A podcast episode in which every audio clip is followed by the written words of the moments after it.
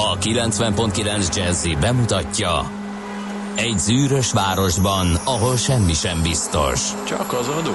Mondom semmi. Ahol a kisbefektetőket senki sem védi meg a tőzsdei kilengésektől, és a sikátorokban leselkedik a kíméletlen hozamgyilkos. Csak négy férfi múlik a közbiztonsága. Hadnagy urak, merre vannak? A mindenre elszánt és korrumpálhatatlan alakulat vigyáz a rendre minden reggel. Ezek az állati nyomozók? Négy férfi egyeset és egy nyalóka. Ács Gábor, Gede Balázs, Kántor Endre és Mihálovics András. Az íróasztal mögül pedig Profit kapitány diktálja a tempót. Humor, emberi sorsok, közönséges bűnözők és pénz, pénz, pénz. Egy különleges ügyosztály. A Gazdasági Muppet Show minden hétköznap reggel a 90.9 Jazzin. De is figyelj, ne csak a bárányok hallgassanak. De miért? Ha nincs pénzed azért, ha megvan, akkor pedig azért. Millás reggeli. Szólunk és védünk. Jó reggelt kívánunk, szervusztok, kedves hallgatók! Elindítjuk a millás reggelét itt a 90.9 Jazzén április 25-én csütörtökön pontban fél hétkor a stúdióban Kántor Endre. És Gede Balázs. 0 30 20 10 909 az SMS, a WhatsApp és a Viber számunk, mindjárt végig is nézem ezeket a rendszereket, hogy ki hova mit írt, a Viberre senki semmit. A Whatsappra írt uh, D-kartás, hogy kis optimista jó reggelt kartások, a tegnapiakhoz hasonlóan korán ébredtünk, bár M kartás erre okot nem adott, így ismételten ideális forgalmi viszonyok között érkeztem Székes fővárosunkba Gödről alig 25 perc alatt. Kiváló. Remek. És egy egész korai SMS is érkezett. Sziasztok, Baoyang Ródon, Sánkhájban ma reggel a közlekedés gyér, írja Viktor. Köszönjük szépen. Mm, de nekem gyanús a Viktor, várja 3 óra 12-kor ott reggel van? Nem egészen szerintem, az már inkább olyan dél körül, nem? Ö, pillanat, várjál, most van ott hét... Ö, Most van ott már mindjárt délután. Most van, igen, most van zárás, most van tőzsdezárás Így van, mindjárt. Én is abból számoltam vissza. Na jó, figyelj, későn kelt? Sánkhájban mi a későn lehet kelni? Kinek mi a reggel, ugye? Úgyhogy ebben lehet valami. Nos, még egyszer akkor 06 30 20 10 909, ez az SMS WhatsApp Viber számunk. Írjatok, ha láttok valamit, vagy hogyha úgy érzitek, hogy muszáj. Vagy akkor is írjatok, ha nem láttok ha semmit. nem látok se, na akkor különösen az egy izgalmas állapot lenne, igen, remélem nem útközben történik ez. Boldog névnapot kívánunk minden kedves Márk nevű hallgatónknak. Márknak, igen, az a főnévnap, de nekem az Ajnácska és Hajnácska tetszik a legjobban, ők is ünnepelnek ma mind a két név. Miért az. Everard? Hát, ö, Everard nem tetszik? de, de. Vagy pedig ö, az Izmael. Szólítsatok Izmaelnek. Izmael, a Kasszandrák, Nikék, A Nike. Így a van. Nike, igen. Bizony, bizony. Úgyhogy sokan szerepelnek ismét a naptárban. Ányos, ugye? Köszöntünk mindenkit, de hát a Márk a fő névnap, és egyben a malária elleni küzdelem világnapja is a mai, tehát április 25-e. Születésnaposai között ott található Oliver Cromwell, angol politikus, Lord A Protector. Lord Protector. 1599-ben született ezen a napon, és Guglielmo Marconi Nobel-díjas olasz fizikus, a szikratávíró feltalálója, hát ő lényegesen később 1874-ben született április 25-én. Uh, Szenes Iván, dalszövegíró, zeneszerző, érdemes művész is ezen a napon született 1924.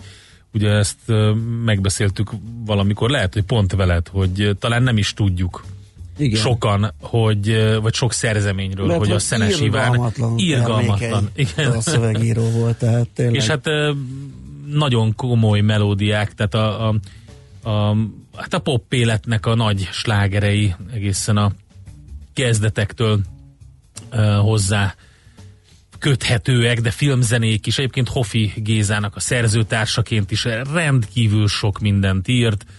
Um, a Macska duett például többek között, hogy így hirtelen, vagy a Gondolj apádra, ugye mekkora, Azaz, mekkora a sláger. lapátra. Bi- bizony. Vagy rákerülsz a Vagy rapátra. rákerülsz a igen. lapátra, igen, nem rátesznek. Megmondtam előre, fel nem menj a tetőre.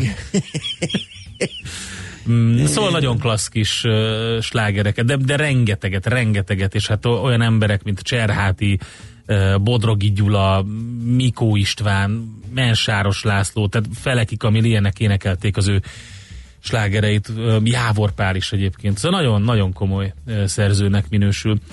Na, kit lehet még kiemelni a születésnaposok közül? Hát mindenképpen az 1940-ben született Alfredo James Pacino-t, akit csak elként ismert meg a filmvilág.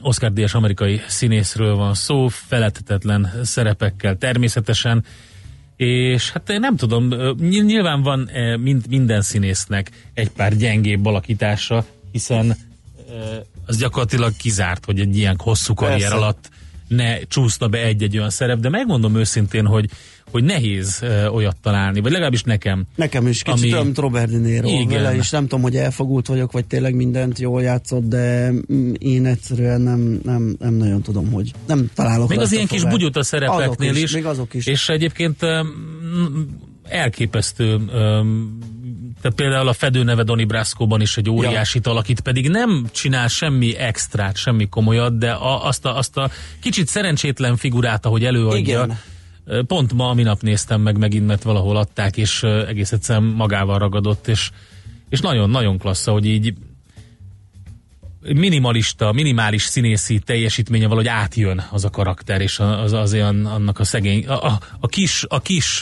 gangsternek a, Igen. a sorsa, mint a Csinyovnyik halála. Úgy. Aztán 1947 Johan fú, Cruyff, Cruyff. Cruyff Igen. ö, holland labdarúgó és edző született ezen a napon, sajnos már nincs köztünk, nem csak Károly Jászai Mari díjas magyar színész, érdemes művész 1957-es, és Andy Bell, akit a nagyon rég hallottam, Jó, énekes, az most se fogod. Szinti Pop együttes ének. Nem! Ne. Sajnos nem fogod Andy Bell hallani, mert 1964 Nem figyeltem oda annyira. Á, Az a, be- az a helyzet, hogy elvitte a, a, a spotlightot, fogalmazzunk ilyen csúnyán, Igen. Ki? az Bröndicel 1917-es születésű 13-szoros Grammy díjas amerikai énekesnő. Így van. Uh-huh. Úgyhogy ő, őtőle fogunk majd hallani valamit. Hát jó, az is jó. René Zellweger, amerikai színésznő, magamfajta fiatal asszony, 1969-es. Magad fajta, az mit jelent? Igen, Hogy hát tetszik? Egy, nem, ö, egy évjárat vagyunk, tehát hasonlóan vagyunk fiatalok. Ez ö, április 25-i ő, tehát tulajdonképpen ö, én vagyok az öregem. Aha! Nos, ők voltak, egyébként adott Fergábor egy jó ötletet, azt írta, a mai napon 62 híresség született. Lehet, hogy ezt kéne csinálni nekünk, és nem felsorolni, és a munkásságára A emlékezni. mai napon 60, híresek. és mi vagy, ha kihagyunk valakit? Bocs, 63. Ja, nem, van még egy, 64. Igen. Aztán okay. van egy másik hasznos információnk, szintén SMS-be jött. Itt minden rendben, jól lehet közlekedni. Köszönjük szépen. Köszönjük. Ja, hú, hú, hát érkezett nagyon klassz e-mail is, azt majd elmondom a világ másik oldaláról, úgyhogy, és ott is elmondta kedves hallgató, még tegnap valamikor délután jött, hogy minden rendben a közlekedési helyzetről, de azt majd beolvasom akkor, hogyha lesz. Eljünk, eh, eszembe jutott, hogy René Celvégerről én, és bocsássátok meg, nem a Bridget Jones naplóját ajánlom megnézésre, hanem az Én hittem- és Én meg az Irén című kiváló Azt hittem, filmet, nem az jut eszembe, amit Jim Carrey-vel Igen. együtt játszott, és hát nyilván egy nagyon blőd komédiáról Mert nekem most szó. már róla az jut eszembe, hogy milyen szinten szétszabadta magát, és Jó, tényleg szegény. ö, szegény totál Ú, igen, átalakult. Ö, hát nem tudom. Igen. és hogy azt látod, hogy 2007 után csak hangként, csak hangként szerepel, akkor nem, nem, nem vicceltem, tehát nem, nem volt csak valami, hangként van volt, valami persze. azt hiszem, amiben megjelent ezzel Igen, az Bridget Jones babát vár például. Igen, igen, Igen. Egyébként tényleg lehet, hogy az már, a, az már az Az már átszabott. 16-os, akkor már Igen, igen, igen, igen, igen. És akkor rá lehetett fogni arra, hogy hormonok meg a terhesség előtti, igen, de Akár. gonoszok vagyunk, na hát mindegy. nagyon igen, de hát Csúcsformában az én és én meg az irénben volt, úgyhogy tessék megnézni, ha valaki bírja az ilyet. Nos, Sanders már morgott is egyet, igaz, csütörtök van, értem én a hibridet, meg éljen az alacsony emisszióna, de a forgalom dinamikája a SMAFU 70-es táblánál 40 ne belső sávba. Kedves Priuszos kartás, írja. De az nem a hibridtől függ. Ne- Nem, nem, nem, Hanem persze, a csak sofőrtől. Valahogy így összekapcsolt ezeket a dolgokat. Zenélünk egyet, aztán lapszemlézünk. Igen, Ella Fitzgerald előtt egy kalapemelés ö, és egy nagyon klassz, kicsit szambás klasszikussal jön most a 17-szeres Grammy díjas jazz diva.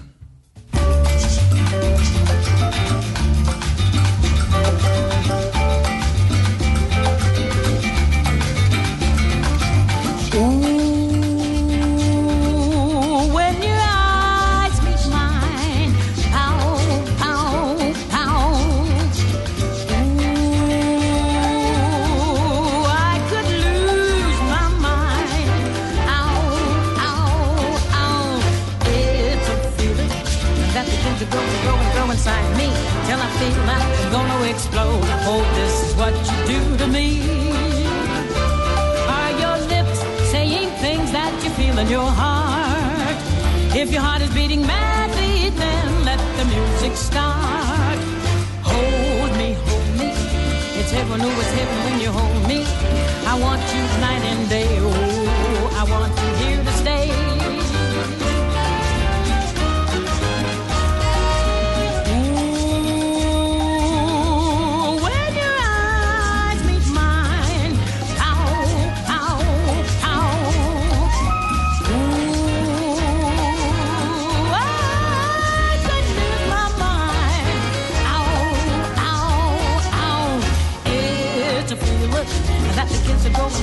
Inside me till I feel like I'm gonna explode. Oh, this is what you do to me. Are your lips saying things that you feel in your heart? If your heart is beating madly, then let the music start. Hold me. It's heaven, oh, it's heaven when you hold me. I want you night and day. Ooh,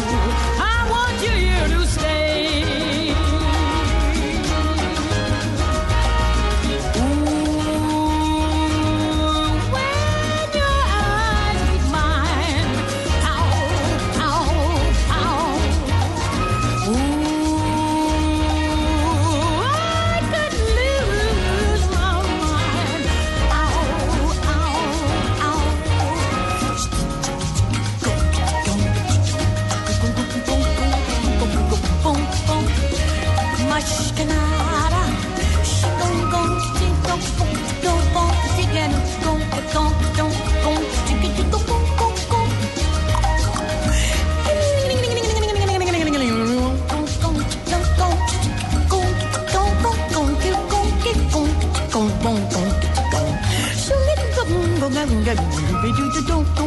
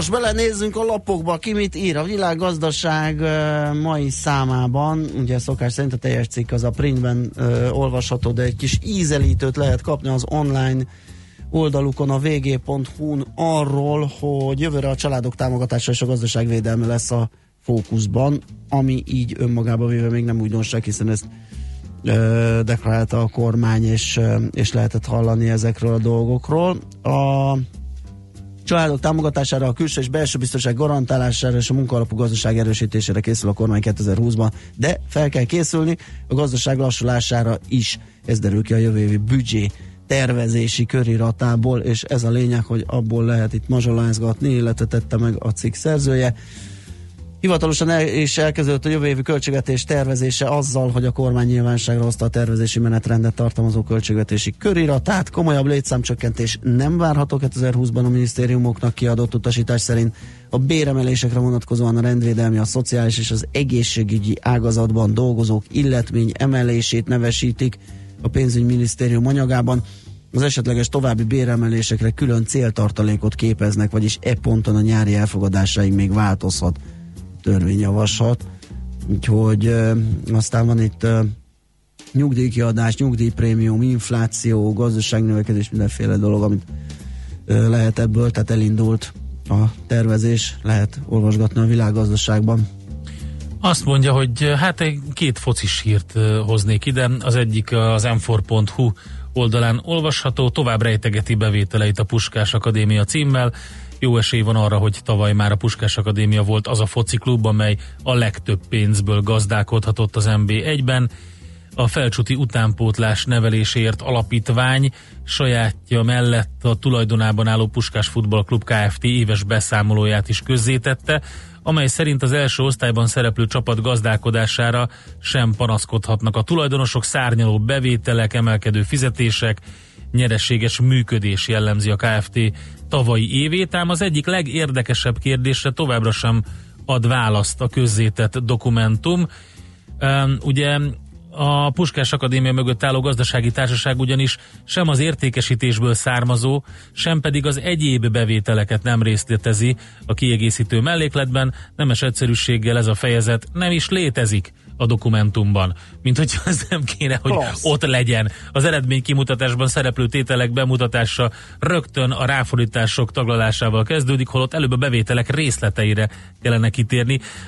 Minden esetre ennek részletei az m4.hu-n, és hát akkor nézzük a, a g7.hu-n egy másik focival kapcsolatos cikket.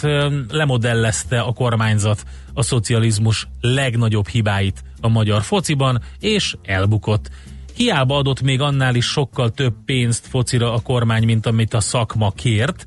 A magyar labdarúgás nemhogy fejlődött volna, még vissza is lépett az elmúlt kilenc évben. A Magyar Labdarúgó Szövetség 8 éve összeállított stratégiájában nagyon konkrét célokat fogalmazott meg arról, hova is kellene eljutni a hazai futballnak az évtized végére, Ebből azonban nagyon kevés valósult meg mostanra. Ez a cikk sorozat, amit a G7.hu indított, ennek az első része az, amiben megnézik és megmutatják, hogy mi valósult meg abból, amit az MLS a fejlődés alapjának tartott. Klassz. Azt mondja, hogy uh, mindjárt rá Hát én- akkor én tovább tudok menni még egyel. Menjél tovább. Az m találtam még egyet, ami nagyon érdekes. 125 ezer forintnál kevesebből él havonta 3 millió magyar. Ezen gondolkodjunk el, engedjük, hogy szépen dolgozzanak ezek a számok. Tehát 3 millió magyar él kevesebből havonta, mint 125 ezer forint. Ugye ők képviselik a legalsó társadalmi réteget, és nagyon sokat beszélünk a középosztály felemelkedésének fontosságáról, ugye ez megjelenik a kormányzati célokban is, minden esetre e, a középosztály megerősítésének felvállalása mellett nagy hangsúlyt kellene fektetni a szegényebbek felzárkóztatására, de a statisztikák szerint ők egyre jobban leszakadnak. Egy friss kimutatás is rávilágít az elszegényedés folyamatára, és öm, ezt az OECD végezte el, úgyhogy az ő meghatározásukat és magát a tanulmány részleteit is lehet olvasni ebben a cikkben. Kezdve az Indexen egyelőre egy tegnap anyagot találtam, de nagyon izgalmas, ugyanis az egy évvel visszaveteti az emberes űrrepülést, a Crew Dragon felrobbanása címet viseli, és hát ugye arról közöl részleteket, és feszegeti a lehetőségeket, hogy április 20-án egy földi teszt sorozat végén felrobbant a SpaceX emberek szállítására tervezett űrhajója, ami egy kifejezetten reményt keltő, sikeres uh-huh. próbarepül, vagy próbaküldetés végén március 8-án tért vissza a nemzetközi űrállomásról. Elon Musk űripari cége a floridai Cape Canaveral légibázis egyes landolózónájában statikus hajtómű teszteket végzett az ISS-t oda-vissza gond nélkül megjárt űrhajóval. Ennek során történt a meglehetősen nagy füsttel járó rendellenesség, rendellenesség idézőjelben, mert hogy igen, effektív fölrobbant a cucc, úgyhogy erről, hogy ez mennyire, hogy löki vissza valóban a, a, az embert az űrbe szállító projektet, ugye itt arról lenne szó, hogy itt már nagy tömegeket lehetne az űrbe juttatni, meg akár azt a bizonyos holdbázist építeni, ahonnan a, a, akár a Marsra menni, tehát nagy reményekkel állt az emberiség a dolog elé, de hát ez egyelőre csúszik ez a program, erről lehet tehát az Indexen olvasni, egy eh, tegnap esti cikkben, aki esetleg még lemaradt róla, és nem látta. Mm, úgyhogy egyelőre Én gyorsan átvizsgáltam a nagy külföldi ö, portálokat. A BBC-n vezetőanyag jelen pillanatban az, hogy Kim és Putyin gyakorlatilag először találkoznak. Ugye a legfontosabb kérdés Észak-Korea nukleáris leépítése, és ezt természetesen a Trump és Kim talál Hanoiban rendezett, vagy elmaradt Trump és Kim találkozó után következik, úgyhogy nagyon nagy érdeklődéssel figyelik azt, hogy most vajon Vladimir Putyinnak sikerül-e tárgyalni, és hogy máshogy tudnak beszámolni. Hát ez is valamennyire része annak, a, annak az érdekes, hát nem hidegháború ez, hanem valami fura dolog. Majd megkérjük a Feledi Botondot, hogy nevezze nevén ezt a, igen, ezt a valamit, ami megy, szóval minden esetre beixelhetnek egyet az oroszok, hogyha ez sikerül. A Bloombergen pedig egy nagy sztori az, hogy a BAT vagy BAT nagy dohányipari cég komoly jogi per, vagy hát komoly perek elé néz, miután kiderült, hogy egy értékesítő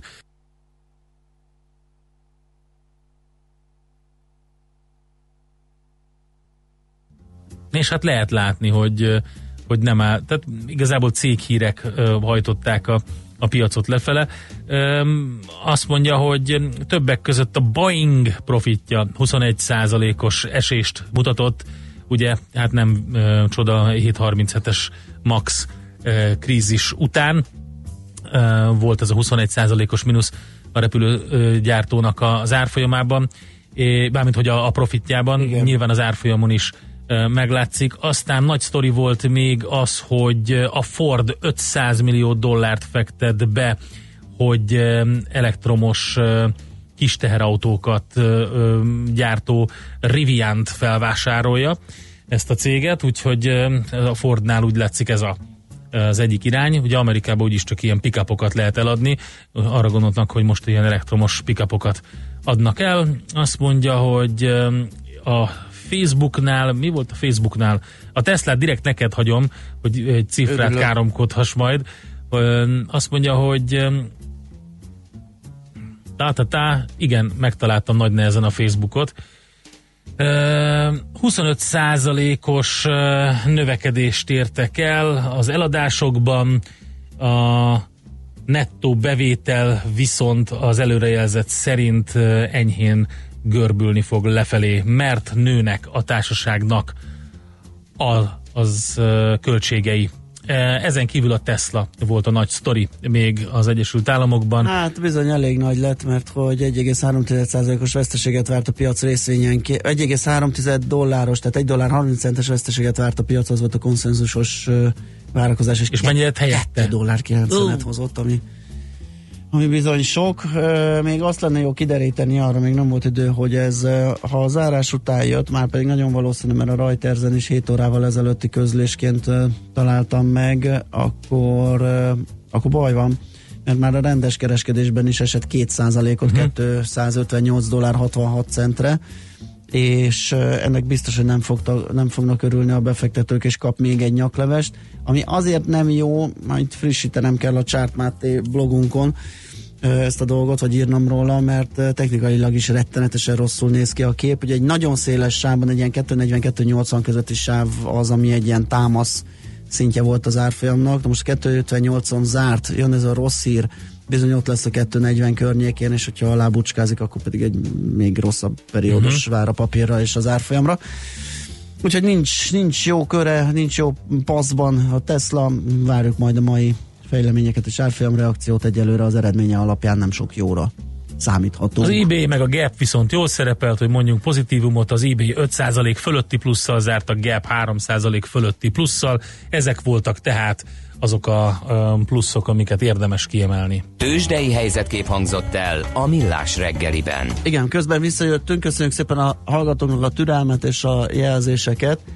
Beázott a relé. Be, be, beázott a relé, és meg kellett szögelni a szoftvertet, mert akadozott a dolog.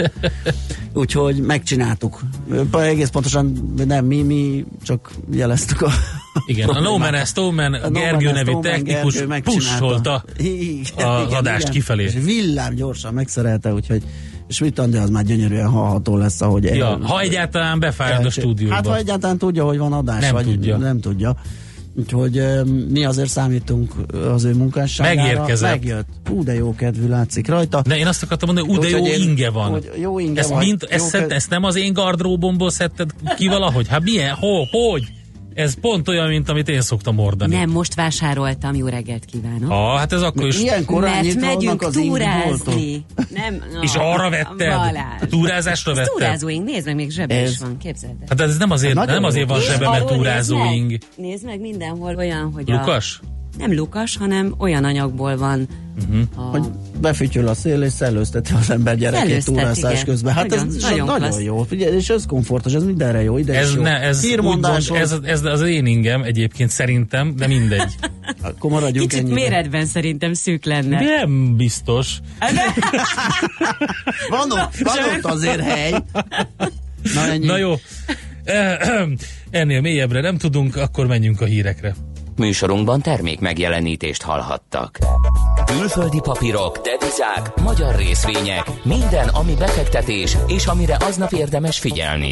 Hotspot piaci körkép az Erste befektetési ZRT szakértőivel a Millás reggeliben. Ha azonnali és releváns információra van szükséged, csatlakozz piaci hotspotunkhoz minden hétfőn és csütörtökön 3.49-kor. Ja, és ne felejtsd a jelszót Profit nagy P-vel. Hírek a 90.9 Jazzin. Kínában tárgyal Orbán Viktor. Átfogó útfelújítási program indul. Nyáriasra fordul az idő, akár 28 fokot is mérhetünk ma délután. Jó reggelt kívánok, 2 perc elmúlt 7 óra. A mikrofonnál Schmidt Andi. Gazdasági csúcs találkozót tartanak Kínában. A háromnapos eseményen csak nem 40 ország állam és kormányfője vesz részt. A pekingi találkozón ott lesz Orbán Viktor is. A miniszterelnök hangsúlyozta, a kínai gazdasági világtalálkozó célja, hogy összekösse Európát Ázsiával. Hazánk célja pedig az, hogy ezek az útvonalak áthaladjanak az országon. A kormányfő kedden Kazaksztánba utazott, ahol találkozott az ország új vezetésével. Júniustól Hernádi Zsolt, a MOL elnök vezérigazgatója vezeti a Corvinus Egyetemet fenntartó új alapítványt, közölte az innovációs miniszter. Palkovics László februárban jelentette be, hogy a jövőben az állam által létrehozott vagyonkezelő alapítvány veszi át a Corvinus fenntartását. Törvényjavaslatot nyújt be az MSZP párbeszéd annak érdekében, hogy a magyar hatóságok nyilvánosságra hozzák az Európai Csalás elleni hivatal jelentéseit. Pangoni Borbély Ildikó, az MSZP országgyűlési képviselője, a legfőbb ügyészség székháza előtt azt mondta, Magyarországon összességében a korrupció miatt elveszett pénz meghaladja az évi 500 milliárd forintot. Csúszik az M2-es metró és a Gödöllői hévvonal összekötésének tervezése, derül ki a közbeszerzési értesítőből. Bár a két vonal egyesítése régóta a tervezett fejlesztések elején szerepel, most mégis gondot okoz, hogy a hívek kikerültek a főváros kezéből. Így nem tudni, hogy a MÁV hév vagy a BKK-BKV lesz a projekt gazda. A Filmterv ZRT még tavaly hozzákezdett a tervezési munkához, és erre 1,9 milliárd forintot kapott. Új elnevezést kapott a legjobb idegen nyelvű film Oscar díja. Ezen túl a legjobb nemzetközi filmnek járó díjként ítélik oda a szobrot. Az amerikai filmakadémia döntése szerint emellett jövőre már tíz alkotás kerülhet fel a szűkített listára a jelenlegi hét helyett. A skót miniszterelnök szerint 2021-ig ismét népszavazást kell tartani az ország függetlenségéről. A Skóciát akarata ellenére kiléptetik az Európai Unióból. Nicola Sturgeon, az országrészt kormányzó Skót Nemzeti Párt vezetője hangsúlyozta, lehetővé kell tenni, hogy a skótok választhassanak az uniós tagság, tagság megszűnése, illetve a független, európai nemzetként élő Skócia között.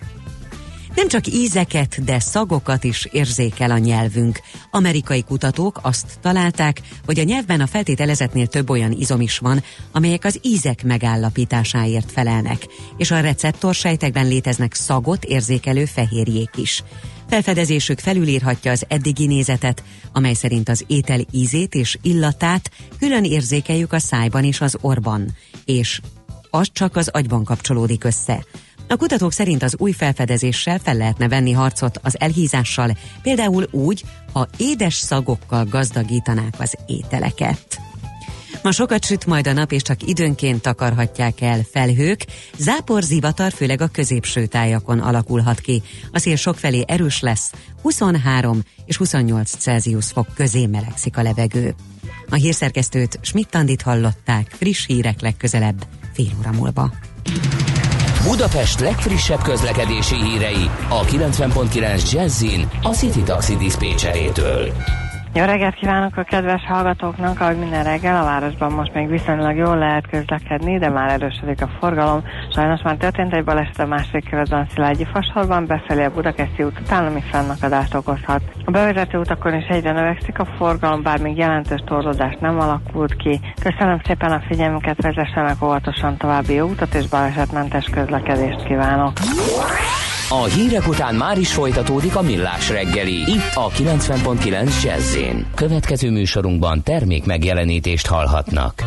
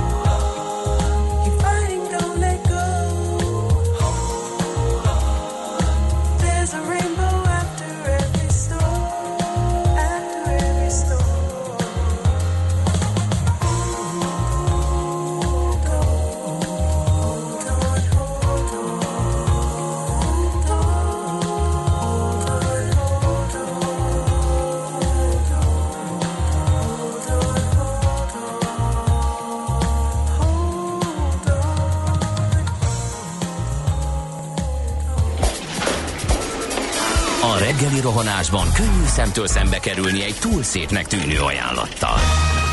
Az eredmény krétával körberajzolt tetemes összeg. A tethelyen a gazdasági helyszínelők, a ravasz, az agy és két füles csésze és fejvállalakzat. A lehetetlen küldetés megfejteni a Fibonacci kódot. A jutalom egy bögre rossz kávé és egy olyan hozamgörbe, amilyet még Alonso Mózli sem látott. Millás reggeli, a 90.9 Jazzy Rádió gazdasági mapetsója. Vigyázat! Van rá engedélyünk! Főtámogatónk a GFK Hungária Kft. GFK, a technológia alapú adatszolgáltató. Szép jó reggelt a kedves hallgatóknak, megyünk tovább a millás reggelivel, itt a 90.9 Jazzin. Méghozzá április 25-én csütörtökön reggel 7 óra 11 perckor a stúdióban Kántor Endre. És Gede Balázs. 0630 20 10 909 a Viber, az SMS és a WhatsApp számunk. Mindjárt nézzük is, hogy eh, mit kaptunk. Igen, hát a legutolsó üzenetek még arról szóltak, hogy nem szólunk, de már szólunk. Jó, nagyon sok SMS jött meg hirtelen. Aztán gyorsan, igen, hogy néma, néma, néma, néma. Igen, volt egy kis technikai Megszakadtunk. probléma, megszakadtunk. Néma. Innen ment a jel ki, de most már mindenhonnan továbbítódik is. Hát igen, fontos. volt egy jó 5 perces adás kimaradásotok. Igen, köszönjük. Én azt kezdtem megérni, hogy azt értékelte a kedves hallgató, hogy volt egy jó 5 perce, amíg nem dumáltunk. De nem. Budapest, Budapest, te csodás! Hírek, információk, érdekességek, események Budapestről és környékéről. Sokat lehet már hallani a mindenféle sajtóorgánumokból, hírekből, innen-onnan, hogy a patkányok, mint hogyha nagyobb számmal lennének jelen a fővárosunkban. Amit én kérlek szépen tapasztalati úton úgy tudok lemérni, hogy a macskáim étlapját vizsgálva, ami eddig néha galamb, de leginkább egér volt, most megjelent az étlapon a patkány is, sajnos egyre többször. Hát erről a helyzetről dr. Bajami Dániellel a Bábolna Bio tevő írtó Kft. ügyvezető igazgatójával beszélgetünk. Jó reggelt kívánunk! Jó reggelt kívánok Önöknek és a hallgatóknak is. Mielőtt itt nagyon szakmailag ö, hozzáfognánk megbeszélni a patkány írtás jelenét, jövőjét, ugye önök végezték 47 éven keresztül talán a patkányírtást, amikor öm, elváltak útjaik, és, és már nem önöket mm, bízta meg a, a az önkormányzat, főváros, nem tudom ki a, a megbízójuk, Fővárosi önkormányzat. fővárosi önkormányzat. Nem akarok erre hegyezni ki a beszélgetést, de publikus azok? Vagy lehet tudni, hogy mi volt a, a vállás oka? Hát öt évente korábban is írtak ki közbeszerzési eljárást és pályázatot, és sajnálatos módon a tavalyi esztendőben 2018 ö, júniusában a közbeszerzési eljárás során nem a mi ajánlatunkat fogadták el. Aha.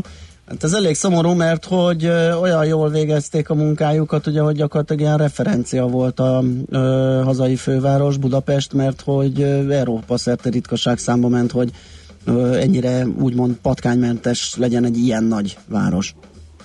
Nagyon jól mondja, mert amikor kezdődött a patkánymentesítés, 1971-ben egyébként, április 1 akkor a közegészségügyi hatóságok úgy becsülték, hogy két millió patkány él Budapesten.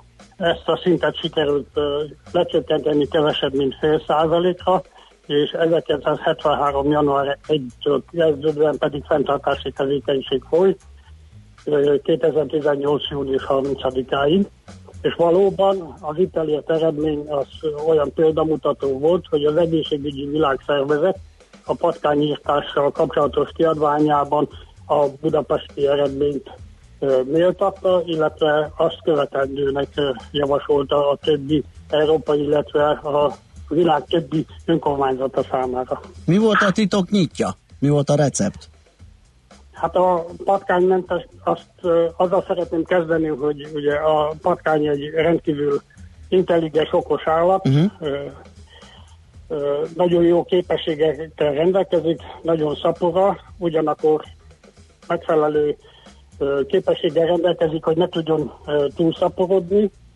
Tehát a patkányok évezredek óta kártevők, és évezredek óta az emberiség küzd a patkányok ellen, de nem tudta a patkányokat legyőzni, és hogyha nem gondolkodunk úgy, mint a patkányok, akkor nem is fogjuk tudni leg- legyőzni őket. Tehát, tehát olyan fejlett kártevőről van szó, én azt szoktam mondani, hogy csak úgy lehet eredményt elérni, ha képesek vagyunk gondolkodni a patkányok fejébe. Tehát nem elég, hogy kitesszük a hatóanyagot egy ládába, dobozba, akármibe, hogy hadd egyen, aztán majd megdöglik, elszállítjuk, hanem itt azért mindenféle rafinált módszerre szük- van szükség ezek Hát, szerint. Pontosan, nyilvánvaló, ha kiteszünk írtószert, ameddig nem rezisztensek, addig egy-két patkány el fog pusztulni. De hát olyan nagy a szaporodó képessége, hogy rövid időben belül ez a populáció csökkenés, ez visszapótlódik. Tehát az egyszerű írtogatás az nem elegendő, hanem mentesítést kell végezni, és ha a mentesítés megtörtént, utána pedig a kedvező állapotot nagyon precíz, nagyon céltudatos munkával fe- fenn kell tartani.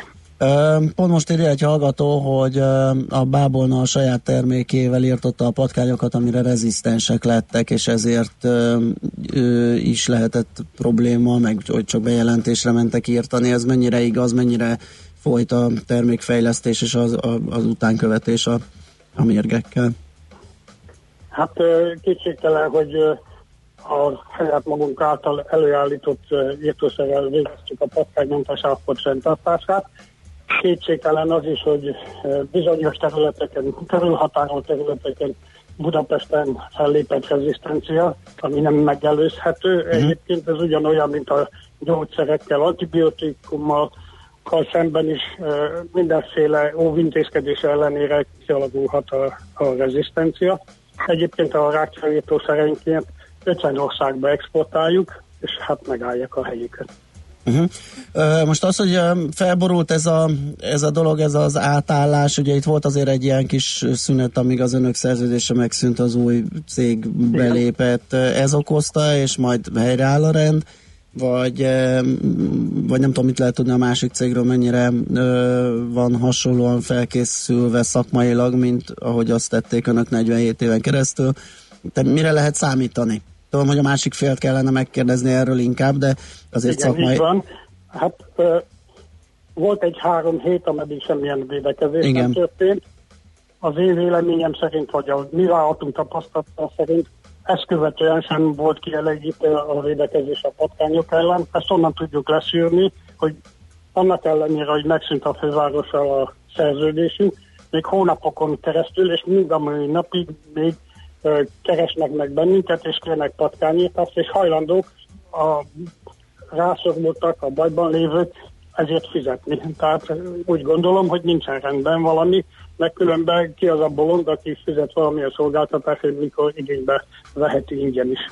Uh-huh, világos. Mit tehet az egyén, hogyha ilyesmit lát? Ugye én saját tapasztalatommal kezdtem a beszélgetést, hogy ott Dél-Budán is felütötte, vagy számosságát tekintve úgy tűnik, mintha többen lennének. Hát igen, ennek kapcsán engedje meg, hogy elmondjam a véleményemet. Patkányinvázióról nincsen szó. Aha. A probléma abban gyökeredzik, hogy 47 éven keresztül olyan kedvező volt az eredmény, hogy több generáció fölnőtt, uh-huh. aki nem találkozott patkányjal. És most, ha uh, találkoznak egy vagy két patkányjal, vagy esetleg többet, ugye az közérzeti problémát okoz, de nem invázióról. Invázióról nem beszélhetünk. Akkor lenne invázió, hogyha egy millió számban lennének patkányok. Hát ilyenkor ugye, amikor... Visszatérve a kérdésre, bocsánat, Igen, Ja, hát be kell jelenteni az önkorm- a, vagy az önkormányzatnak, a főváros önkormányzatnak, vagy a népegészségügyi hatóságnak, vagy a kivitelezést ö, végző cégnek, illetve hát ö, elég sok szolgáltató vállalat foglalkozik a nyertes konzorciumon túlmenően patkánymentesítéssel a főváros területén is, őket is meg lehet keresni. Oké, még egy dolog, hogy ilyenkor ugye, ugye hisztériás állapotban is kerülhet valaki, mert zavarja um, az, amit lát, azt gondolja, hogy meg kell oldani a saját kézben, de hát közterületen, lakóhelyen maga kezdjen írtásba? Ez, ez működik? Hát közterületen nyilvánvalóan nem működik, de ha valaki családi házban él, akkor a vásárolhat írtószert, és a, a dobozon lévő leírás alapján többé-kevésbé hatékonyan ki tudja írtani egy kis területen a átmenetileg a rákcsálót, De hogy végleg megszűnjön a probléma, nyilvánvaló, hogy egy családi házban végzett írtás nem elegendő, hanem szervezeten a környezetet is kezelni kell. Igen, mert csak egyik házból toljuk át a másikba, ugye, hogyha helyileg Hát kezeljük. igen, pontosan. Ö, még egy utolsó kérdés, hogy mi történik, ha mégis invázió van? Tehát magyarul mitől, mitől veszélyes a patkány? A betegségek terjesztésétől, az, amit összerág, pusztán undorító? Igen, igen. Hát a, a patkányok háromféle problémát szoktak okozni. Közép-Európában elsősorban a közérzeti problémát okoznak, Aha. másodszorban ö, gazdasági problémát okoznak. Ugye hallottuk például, hogy a most felújított ö, metrószakaszon is a patkány bement egy ö, elektromos ö, elosztó dobozba, és ott zárlatot okozott. Uh-huh. De ez nem egyedi eset, mert éppen idén márciusában ugyanez előfordult Pécsen is, hogy ott egy lakóháznak a szuterényében volt egy elektromos kapcsolószekrény, oda is bement a patkány, ami egyébként jellemző tulajdonságú, és ott is zárlatot okozott. De azt is tudom mondani, hogy korábban Magyarországon egy egész állattartó telep leégett, benne elégtek a vadonfik is, mert a patkányok zárlatot okoztak. Tehát gazdasági kár Közép-Európában sokkal nagyobb a patkányok által okozva, de ezen túlmenően természetesen veszélyes lehet, mert 40 féle fertőző betegséget, illetve parazitát tudnak terjeszteni. Úgyhogy az írtásukkal mindenképp foglalkozni kell, úgyhogy jelentsük be, ha esetleg sokat látunk. Évezredek óta folyik a küzdelem Világos. a patkányok ellen, és meggyőződésem, hogy ezt tovább kell folytatni. Világos. Nagyon köszönjük a beszélgetést, én azt gondolom, hogy jobban képben vagyunk a témában. Nagyon szívesen köszönöm a megkeresést. Jó munkát és szép napot kívánunk, minden jót Köszönöm viszontlátásra. maguknak is minden jót, viszont hallásra. Dr. Bajomi Dániellel a Bábolna Bio kártevő írtó Kft. ügyvezető igazgatójával beszélgettünk.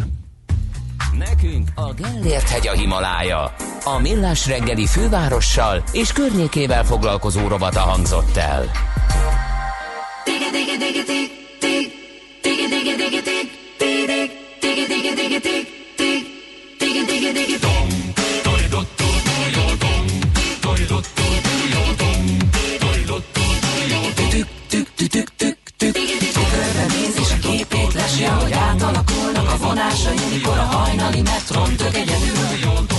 Önmagával szemben is érzi a veszélyt Valaki figyeli a túloldalról Beszélnek neki, de nem hall semmit csak ilyen Csak a dob meg a basszus Zakatol a füleiben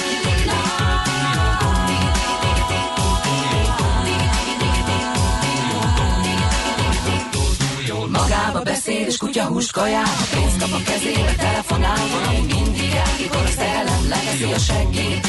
A földre ülteti és rúgleget a csra senki nem teszi és látja is ő Csak észre nem veszi, hogy ennyit tud Csak ő tudja milyen. Mikor a dob meg a basszus Zakatol a füleiben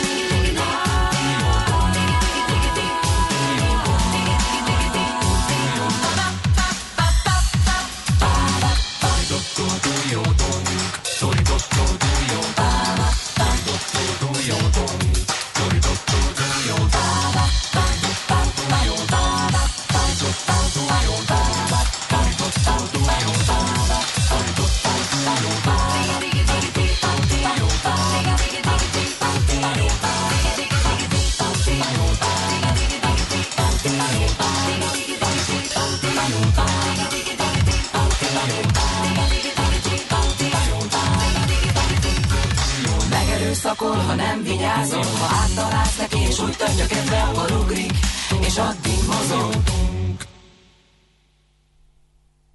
Nem indul újra az, hogy ugni vár És a csávó kenem Lenyugtatja majd a fászombrál És egér out now Ó igen.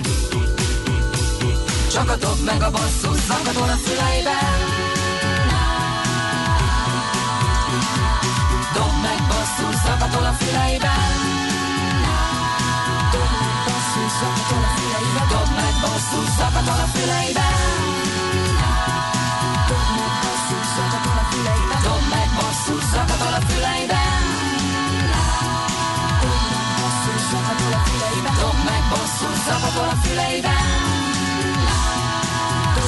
basszus, zakatol a füleibe Dob meg basszus, zakatol a füleibe Semmi sem olyan csalóka, mint egy fényforrás távolsága a vaksötét éjszakában.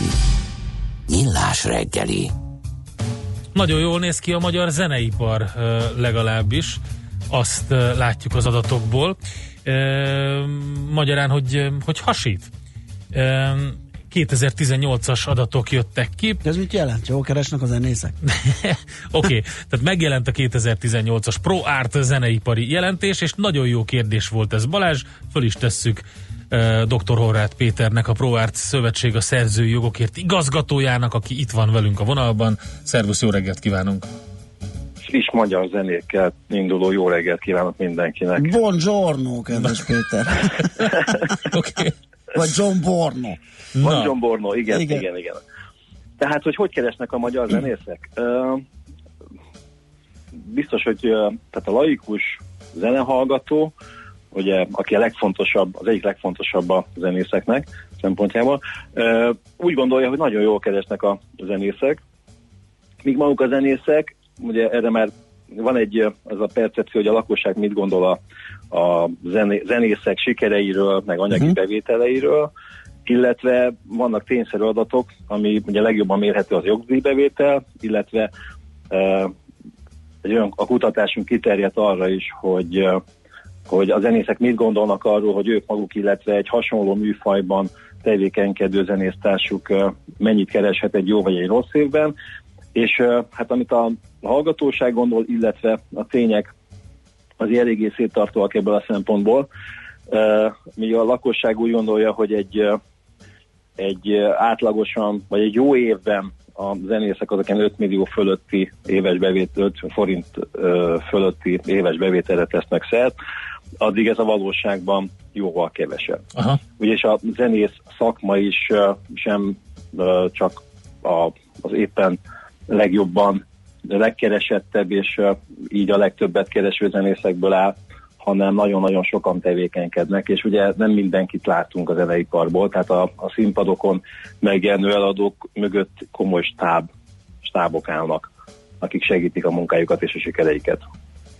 Oké, okay, lépjünk egy picit hátrébb, és nézzük meg a jelentésben, ugye glo- globálisan is vizsgáltátok azt, hogy mi történik a hangfelvétel iparággal például, és érdekes az, hogy én azt látom, hogy körülbelül a hangfelvétel kiadók globális bevételeinek alakulását tekintve, ugye 2008-as szintet elértük ismét, ugye onnan indult egy csökkenő trend, de utána 2014-15 óta növekszik.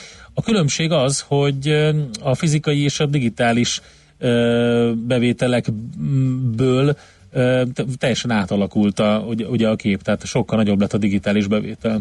Meg hát nőtt, úgy látom, a jogkezelés is. Igen. Tehát a, sajnos ez a csökkenő tendencia az így a, a 2000-es évek elején elindult a globális hangfelvétel iparág bevétel kapcsán, de, de ami, ami a lényeg, hogy, hogy mind a globális trendek, mind pedig a magyar számok azt mutatják, hogy most már egy lassú, de stabil növekedés indult el, és természetesen a fizikai és a digitális arányok megváltozása az a fogyasztói szokásoknak a technológia fejlődésének tudható be. Tehát egyik iparág sem működhet úgy, hogy egy elszakad a, a fogyasztók igényeitől, és, és ezt hozza, hogy a digitális vált mindenhol az egyik legfontosabbá, de azt meg kell jegyezni, hogy, hogy ennek a, a, a profit termelő képessége, tehát ugye minden, mindenhol vannak disztribúciós csatornák, adó kötelezettségek, mindenféle egyéb, de a fizikai hordozók eladásából származó bevételeknek a, az a része, ami, ami effektíve megjelenik a, a zeneipar szereplőinél, azért mindig egy picivel magasabb, mint a digitális uh-huh. Bevételekből keletkező, és ez is okozza azt a egyfajta átrendeződést, amit a, a bevételi struktúrákat jelenti, ami komoly komoly átalakulásra kényszerítette, vagy kényszeríti a zeneipar szereplőit, és nem könnyíti meg az alkotóknak az életét. Abszolút. Nyilván ezen, ennek köszönhető az is, hogy az élőzeneiparág elkezdett szép dinamikusan emelkedni, ugye 16-ról 17-re például 16 kal a top 100 turné bevétele. Igen, és itt is az a prognózis, hogy, hogy a következő három évben a, a világtrend azt mutatja majd, hogy hogy 30 milliárd dollár fölé emelkedhet a globális élőzeneiparágnak a, a bevétele, ami szintén ez a fogyasztói szokások átalakulása, tehát hogy mennyire más, más élményt kívánnak és a hallgatók, a közönség, és mennyivel jobb sót tud kínálni mondjuk egy, egy szuperprodukció, amire a világon mindenhol kíváncsiak a koncertrajongók. Az, Tehát ez, ez, ez mind-mind ezzel jár, és ezért, és ugye a zenei bevételek is, tehát korábban, még egy két évtizeddel ezelőtt a zeneipart a hangfelvételiparággal azonosították. Utána ez volt a legnagyobb bevételi forrás, és ez már teljesen átalakult. Tehát a, a hangfelvétel és az élő zenei bevételekből származó bevételek az egész iparágat tekintve eléggé kiegyenlítettek lettek, sőt, sőt az élőzen átvette az élőzeni bevételek e, nagyobbak lettek, mint a hangfelvétel iparágból származók, és ugye az is megjegyzendő itt, hogy ugye ez- a kutatásunk az igyekszik tényszerűen bemutatni a magyar zeneipar helyzetét. Ez már a harmadik átfogó kutatás, amit megjelentetünk, és természetesen azzal kezdjük a kutatás, hogy a globális trendeket bemutatjuk, és utána rátérünk a, a magyar specialitásokra. És ö, a zeneipar kapcsán az elmondható, hogy a hangfelvételi iparágból, vagy hangfelvételi ágból származó bevételek, amelyek nagyon jól mértek, pontos adatszolgáltatásokon alapszik, míg az élőzenei ág részben pontosan mérhető, de részben becslésekkel kell ö, kiegészíteni, Mhm. hogy egy teljes átfogó képet kapjunk. Oké, okay. tehát magyarán azért van itt még zsebbe ö, fizetés is sok helyen. Nem, nem csak erre gondolok, tehát itt ugye nagyon nehéz meghúzni azt a határt is, hogy, és a következő kutatásunk bízunk benne, hogy, hogy tovább tudunk lépni majd abban, hogy, hogy ez most nagyon-nagyon szűken a, a nagyon szűken vett zeneipar bevételeit méri ez a kutatás, míg ezt lehet szélesíteni. Tehát ugye mondjuk a, egy ö, sikeres fesztivál ö, a, a, zené, a zenéért mennek oda a látogatók, tehát ez a legfontosabb, és ez a, a kulcsmomentuma. Viszont ott ö, költenek egyéb szórakozásra, uh-huh. esznek, isznak, ez a minimális, és mellette még, amikor ut- odautaznak, ott szállásra költenek, tehát ennek mindig van tovább gyűrűző hatása. Aki ott dolgozik, természetesen ő is ö, ö, GDP-t termel, és nem csak a színpadokon, színpad mellett dolgozó zeneiparhoz szorosan ö, kötődő élő munkáról van például szó. Tehát nagyon-nagyon szélesre lehet húzni, mi ezt most nagyon szűken határoztuk meg. Tehát itt most a, a becslések, és ugye nem, nem, nem minden van pontosan riportolva, és bízom benne, hogy egyre kevésbé e, működik Magyarországon az a zsebből zsebbe verzió. Tehát, hogy, hogy ez a, az iparág növekedéséhez és, és fejlődéséhez mindenképpen ez is hozzátartozik. Egy dolgot világíts meg nekem, légy mert az nézegettem itt a statisztikákat, amiket összegyűjtöttetek, és azt látom, hogy a globális hangfelvételiparágnál, illetve a magyar ö, hangfelvételiparágnál óriási különbség van a jogkezelési ö, díjaknak a, az arányában. Sokkal nagyobb arányban ö, jelenik meg ez a magyar bevételekben. Hogy ez miért, miért alakulhatott így? Ugye a Magyarországon a közös jogkezelés, mint, mint intézmény abszolút a világ első között volt, több mint száz éves múltra tekint vissza, tehát komoly hagyományai vannak, és a komoly hagyományok azt is jelentik, hogy egy nagyon jól működő rendszer áll mögötte, amit a háború előtt, a háború után, és azóta is nagyon jól működik, és egy, egy nagyon fontos stabil bevételi forrása a magyar alkotóközösségnek, magyar zenei alkotóközösségnek. Míg a világon, és ha megnézzük azt, hogy a mondjuk hangfelvételekből származó bevételek azok, azok hogy néznek ki, a világ másik táján azok sokkal komolyabb bevételt jelentenek. Itt fogyasztói szokásokról, vásárlóerő és mindenféle összetett dolgok állnak e mögött, de itt a kialakult struktúra és a nagyon jól működő ö, jogérvényesítésnek tudható be, ami nagyon-nagyon fontos az alkotók számára. Tehát az, ami mondjuk Japánban ö, jóval kevesebb, az azért van, mert a, a japánok azok rengeteg zenét vásárolnak, míg nálunk nagyon sok zenét fogyasztanak az emberek, ami, ami mind a kettő nagyon jó, mind a kettő másként működik. Uh-huh. Tehát nálunk a, ugye a felmérésünkben, kutatásunkban az is szerepel, hogy a magyar közönségnek mennyire fontos az, hogy eh, ha bemegy egy étterembe, egy, eh, egy kiskereskedelmi üzletbe, ott zene szól vagy sem, és ez mind-mind számít nekik. Tehát, hogy körül lesz, tehát ahogy megyünk, sétálunk a városban, végezzük a saját dolgunkat, akkor reggel, nagyon sokan reggel már zenével indítanak, sokan hallgatnak még rádiót, bár itt is a videókéd, a Radio Star az már, az, az már látszik, hogy a, a YouTube kezdi átvenni itt is a vezető szerepet a primer szokások kapcsán is. Tehát mindenhol fontos az, hogy zene vesz minket körül, és ez a zene ugye a, egy értékláncnak a, az, ered, az eredménye, és az értékláncban az résztvevők abban az esetben, hogyha valaki nem közvetlenül fizet a zenéért, már pedig ugye sokkal több zenét hallgatunk, mint vásárolunk, akkor valahogyan az alkotókhoz vissza kell jut. Ez az értékláncba, bele kell tenni azt a pénzt, amiből az egész működhet, és itt eh, van jelentőség annak, hogy hol mennyire jól működik ez a, a jogérvényesítés, hogy az alkotók hozzájussanak a jussukhoz. Akkor utolsó ez jól működik. kérdésként, Péter, mert nagyon elszállt az időnk, és egy hallgató írt vendéglátósként az Artisius nem a barátja. Én azt vettem le az, az üzenetéből, hogy ti pontosan mit csináltok a ProArt, és kik vagytok?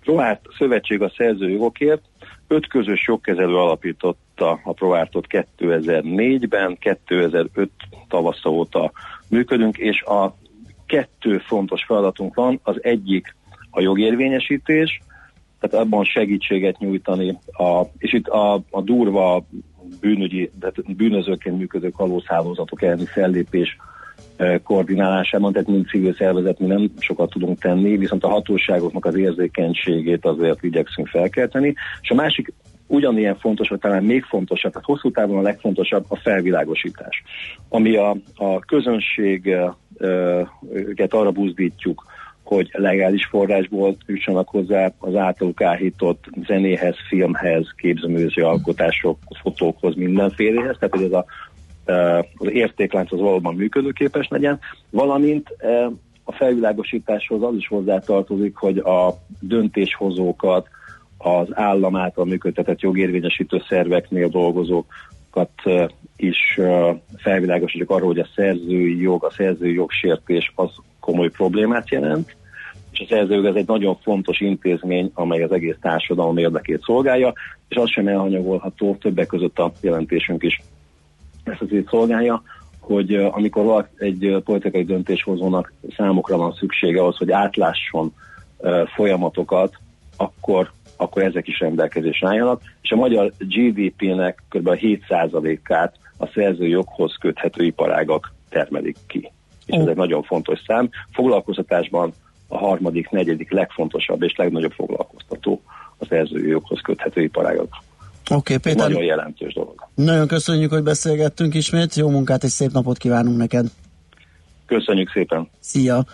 Dr. Horváth Péter, a ProArt Szövetség a Szerzői Jogokért igazgatója volt a beszélgető partnerünk. Egy hallgató uh, írja, hogy fenyegetik és sarcolják a kis kávézókat 30-40 ezer forintra, egy fillért nem adnak vissza belőle a valós zeneszerzőknek nem is tudnának, hiszen fogalmuk sincs, hogy ott mi szól, gagyi bőrkabátba jönnek és fenyegetőznek, nem kell tudniuk, tehát ez, egy, ez, ez pont, tehát erre megvan az a Mi módszer, hogy gagyi bőrkabátba? az Milyen mindegy, az ez? mindegy, igen, hogy um, majd egyszer megint átvesszük, már beszéltünk erről, hogy hogy működik például az Artisius, ugye a memóriakártyák, a CD-ken is egy fix összeg jön, megvan az a metódus, hogy ki hogy kap abból egy ilyen általányszerű pénzt, nem kell tudnia, hogy mi szól a kávézóba, tehát ez úgy van kitalálva, viszont az, az a díj az jogos lehet, hiszen a nagy közönséget és a kávézó forgalmát is lendítheti. Én azt akár. gondolom, hogy érdemes átolvasni a tanulmányt, mert nagyon sok jó Igen. grafikon van benne. A zeneipar.info oldalon megtalálható a teljes ProArt jelentés, és le is tölthető akár PDF-ben, teljesen át lehet nézni. Például az értékláncot, amiről Péter beszélt az imént. Műsorunkban termék megjelenítést hallhattak. Rövid hírek a 90.9 Jazzin. Még gyorsabb lehet az internet Magyarországon. Hazánk az első között szeretné bevezetni az 5G hálózatot. A digitalizáció fejlesztésére külön pénzt különített el az állam. A munkák már 1500 településen el is kezdődtek. Könyvtárakban és önkormányzati épületekben is kiépítik a nagysebességű internetet. Holnaptól drágább lesz a gázolaj. Literenként bruttó két forinttal kell többet fizetni érte. Az emeléssel a gázolaj literenkénti átlagára 407 forintra nő. A benzinára nem változik, 400 forint marad. Könyvekkel rendezik be a millenárist. Ma kezdődik a Budapesti Nemzetközi Könyvfesztivál. A díszvendég idén Norvégia és Karl Ove Knausgaard író. Vasárnapig több száz program várja a közönséget. A többi között könyvemutatók, dedikálások, ismeretterjesztő előadások és gyerekprogramok is. Tovább tart a hajtóvadászat Sri Lankán, még mindig szökésben lehet több iszlám szélsőséges, akik újabb merényletet követhetnek el. Közben lemondásra szólította fel Sri Lanka elnöke a védelmi minisztert és az országos rendőrparancsnokot. Kiderült ugyanis, hogy a hírszerzési vezetők tudhattak a merénylet sorozat tervéről, mert korábban figyelmeztetést kaptak az indiai titkos szolgálattól. A keresztény templomokban és luxus szállodákban elkövetett robbantásokban mintegy 360-an haltak meg. A kilenc öngyilkos merénylő közül nyolcat már azonosítottak. Több mint 110 ezeren regisztráltak Ferenc pápa csíksomjói miséjére. Nagy részük Romániából érkezik, de Magyarországról és a Kárpát-medence más országaiból is jönnek majd vendégek. A szervezők felhívták a figyelmet, hogy a regisztráció már lezárult, de a nem regisztrált hívek a biztonsági zónán kívül is követhetik a Szent Misét. Ferenc pápa a pünkösdi búcsú előtt egy héttel utazik Csíksomjóra. Ugyanazon a napon, október 10-én jelentik be az idei és a tavalyi irodalmi Nobel-díjasokat is, közölték a szervezők. 2018-ban az akadémiát megrázó szexuális zaklatási és kiszivárogtatási botrány miatt halasztották el az elismerés átadását. Ma sokat süt majd a nap, és csak időnként akarhatják el felhők, záporzivatar, főleg a középső tájakon alakulhat ki. A szél viszont sokfelé erős lesz. 23 és 28 fok közé melegszik a levegő. A hírszerkesztőt Schmidt-Tandit hallották. Friss hírek legközelebb fél óra múlva. Budapest legfrissebb közlekedési hírei, itt a 90.9 jazz A fővárosban baleset nehezíti a közlekedést a Hegyalja úton kifelé a Mészáros utca előtt. Arra szól a kocsisor. Erős a forgalma a Rákóczi úton a Barostértől, a Nagykörúton és a Hungária körgyűrűn a nagyobb csomópontok előtt, a Pesti úton a Ferihegyi út közelében, a Kerepesi úton a Róna utcától a Hungária körútig, a Határúton és az Adi Endre úton befelé a közös csomópont előtt. Fennakadásra számítsanak az Erzsébet hídon Pestre, a Pesti alsórakparton a Margit hídtól délre, a Szabadság hídtól a Lánchíd irányában, a Budai alsórakparton pedig a Petőfi hídtól északra és a Margit hídtól az Erzsébet híd felé. Nehezen járható a Weiss-Manfred út befelé, a második Rákóczi Ferenc út és a Csepeli út az m 0 autóút, valamint a Csepeli temető közelében. A Könyves Kálmán körúton a Kőbányai út és az Ülői út között napközben szakaszos és időszakos útszűkület nehezíti a közlekedést, mert kertészek dolgoznak. Nyeső Névas Gabriella, BKK Info. A hírek után már is folytatódik a millás reggeli, itt a 90.9 jazz Következő műsorunkban termék megjelenítést hallhatnak.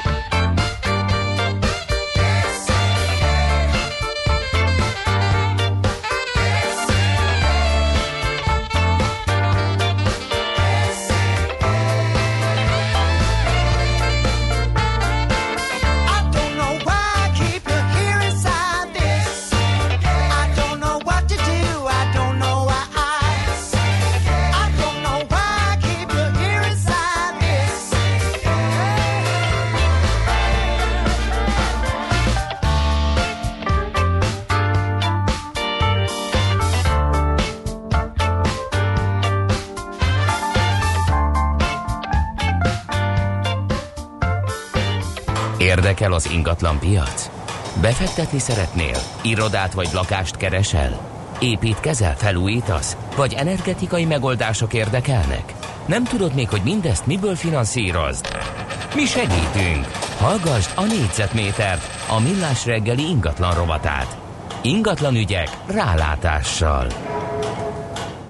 Egy érdekes dolog derül ki a Dunahouse legfrissebb elemzéséből. A fővárosban ugyanis javul a piacra kerülő ingatlan állomány minősége. Hogy ezt hogy kell értelmezni, vagy hogy jött ki ez az eredmény, az Benedik Károlyjal.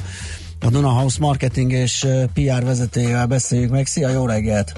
Jó reggelt kívánok, üdvözlöm a hallgatókat! Mit kell ezzel érteni, hogy jobb minőségűek az ingatlanok a fővárosban, ami a piacra kerül?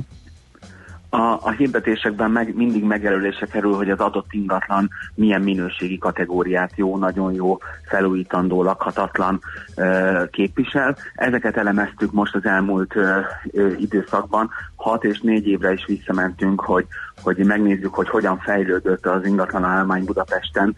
Ez a belvárosi kerületekben nagyon-nagyon fontos tényező, hiszen itt sokkal kevesebb új építésű lakás tud épülni a helyhiány miatt, ezért a használt lakáspiacnak, a használt lakás állománynak nagyon fontos a megújulási ö, gyorsulása, a megújulási feltételeknek a javulása, és ez kiválóan látszik abból, hogy, hogy az ingatlan állomány jelenleg milyen minőséget képvisel, évről évre egyre jobb minőségű ingatlanok kerülnek a piacra, és javarészt a mi elemzésünk szerint ez a befektetőknek köszönhető, akik megveszik a rosszabb állapotú ingatlant, felújítják saját szakembergárdájukkal, és magasabb áron szinte azonnal két-három hónap múlva újra a piacra dobják egy jóval magasabb színvonalon.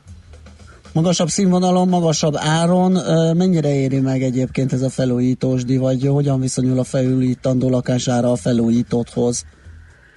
Régen nagyobb, nagyobb volt a, az olló a, a kettő között, Aha. és ö, jóval kedvezőbben lehetett venni ilyen árulakásokat, amelyet sokkal nagyobb haszonnal lehetett ö, felújítva árulni. Azért ez csökkent, és most már a befektetők is jóval megfontoltabban, jóval több szempontot néznek egy-egy lakás megvásárlásánál, hiszen ö, ez a, ez a várható hozam, a várható profit egy nagyon picit csökkent, de azért még így is ö, megéri, és az ingatlan áraknál ez pontos, nagyon fontos tényező, hogy ugye évről évre emelkedik az ingatlanoknak a, az átlagos négyzetméterára, a fajlagos ára, de azért ez javarészt annak is köszönhető, hogy jobb minőségű használt lakások vannak a piacon, tehát nem csak a, a gazdasági folyamatoknak, hanem a lakásállomány minőségének, a javulásának is ö, köszönhető az, hogy most már drágában tudunk a belvárosban ingatlant venni. Ez a felújítás eladásra, ez mindig egy nehéz műfaj volt, mert ugye a mértékét kell valahogy jól eltalálni, vagy azt, hogy hogyan nyúlunk egy eladásra szánt ingatlanhoz, hiszen lehet, hogy az a padlóburkoló, ami nekünk tetszik, az nem tetszik majd a vevőnek, és nem tudjuk érvényesíteni az árát, vagy kiszínezzük kékre a konyhát, ő meg sárgát szeretne, tehát ö, milyen mértékben, vagy, vagy lehet-e olyan tanácsokat adni, hogy hogyan végezzük ezt a felújítást, hogyha ilyen helyzetbe kerülünk? Ebben is két utat látunk. Régebben uh, tényleg ezek a, a láncszatfelújítások, ilyen úgynevezett láncszatfelújítások uh, könnyebbek, gyorsabbak voltak, és egy nyílányzáró csere, egy konyha és fürdőszoba felújítással uh, sokkal piacképesebb, sokkal gyorsabb eladásra lehetett uh, számítani a lakásnál. Azért most már főleg a belvárosi uh, lakásoknál uh, egy ilyen felújítás, egy teljes körű jól átgondolt átalakítás kell, hogy legyen, mert hogy ezek a kevésbé hatékony látszatfelújítások már nem keresettek a piacon, illetve ez, ezt pont nem lehet árban érvényesíteni, de az, hogy a teljes körben egy nagyon lerobbant lakást lakberendező, belső tervező építész által átalakítva, jól kigondolt funkcióval átalakítják, és az elejétől a végéig megcsinálják, akkor sokkal, de sokkal gyorsabban és sokkal magasabb áron lehet értékesíteni, jellemzően szintén befektetőknek, akik például rövid távú vagy hosszú távú lakáskiadásra szállják, és nem akarnak semmit foglalkozni már a lakással, meg akarják venni, és minél gyorsabban piacra dobni, hogy nekik is hozamot termeljen. Igen, és itt alapvetően ugye szerkezeti e, problémákról és átalakításokról van szó, tehát amit te mondtál, ugye látszat, hogy a festések, meg a burkolat, hát ugye az a könnyen cserélhető kategória, de sokkal pro- nagyobb problémák vannak a fűtési rendszerekkel, az elektromos hálózattal, a vakolattal és a többi. Igen, és, és ehhez már valóban szakemberek kellenek, és egy befektető így is ö, vesz általában lakást, tehát hogyha ha bemegy, ö, egyrészt nézi a, a, az épületnek az állapotát, uh-huh. hogy később az, a, ott a lakáson belül mennyire lehet majd felújítani ezeket a dolgokat, és, és ő, ő már sokszor szakemberekkel megy, tehát nézi a villanyvezetékek állapotát, a, a falakat, hogy hogyan lehet esetleg mozgatni, hiszen például nagy, a, kifejezetten a garzonlakásokat keresik a, az ilyen gyorsabb távú befektetők elsődlegesen, abból lehetett régebben, és talán még most is a legnagyobb hozamot elérni, viszont ilyenekből egyre kevesebb van a belvárosban, és most már más módszerekhez kell, a- hogy nyúljanak, ezért nagyobb lakásokat szoktak kettészedni. Egy 80-100 négyzetméteres lakásból nagyon könnyedén lehet egy két darab 40-50 négyzetméteres garzont ö, készíteni, viszont ehhez már tényleg szakembergárda kell, ami azért a mai mm, építőipari helyzetben Igen. elég nehezen elérhető. Ezt akartam mondani, hogy talán ez egy nagyon fontos hajtómotorja a dolognak, hogy a, lehet, hogy nagyon jó ö, befektetési szintű lakást talál valaki, ami ugye egy kis felújítással már piacra dobható lenne, na de itt jön a probléma, hogy gyakorlatilag nincsen ember.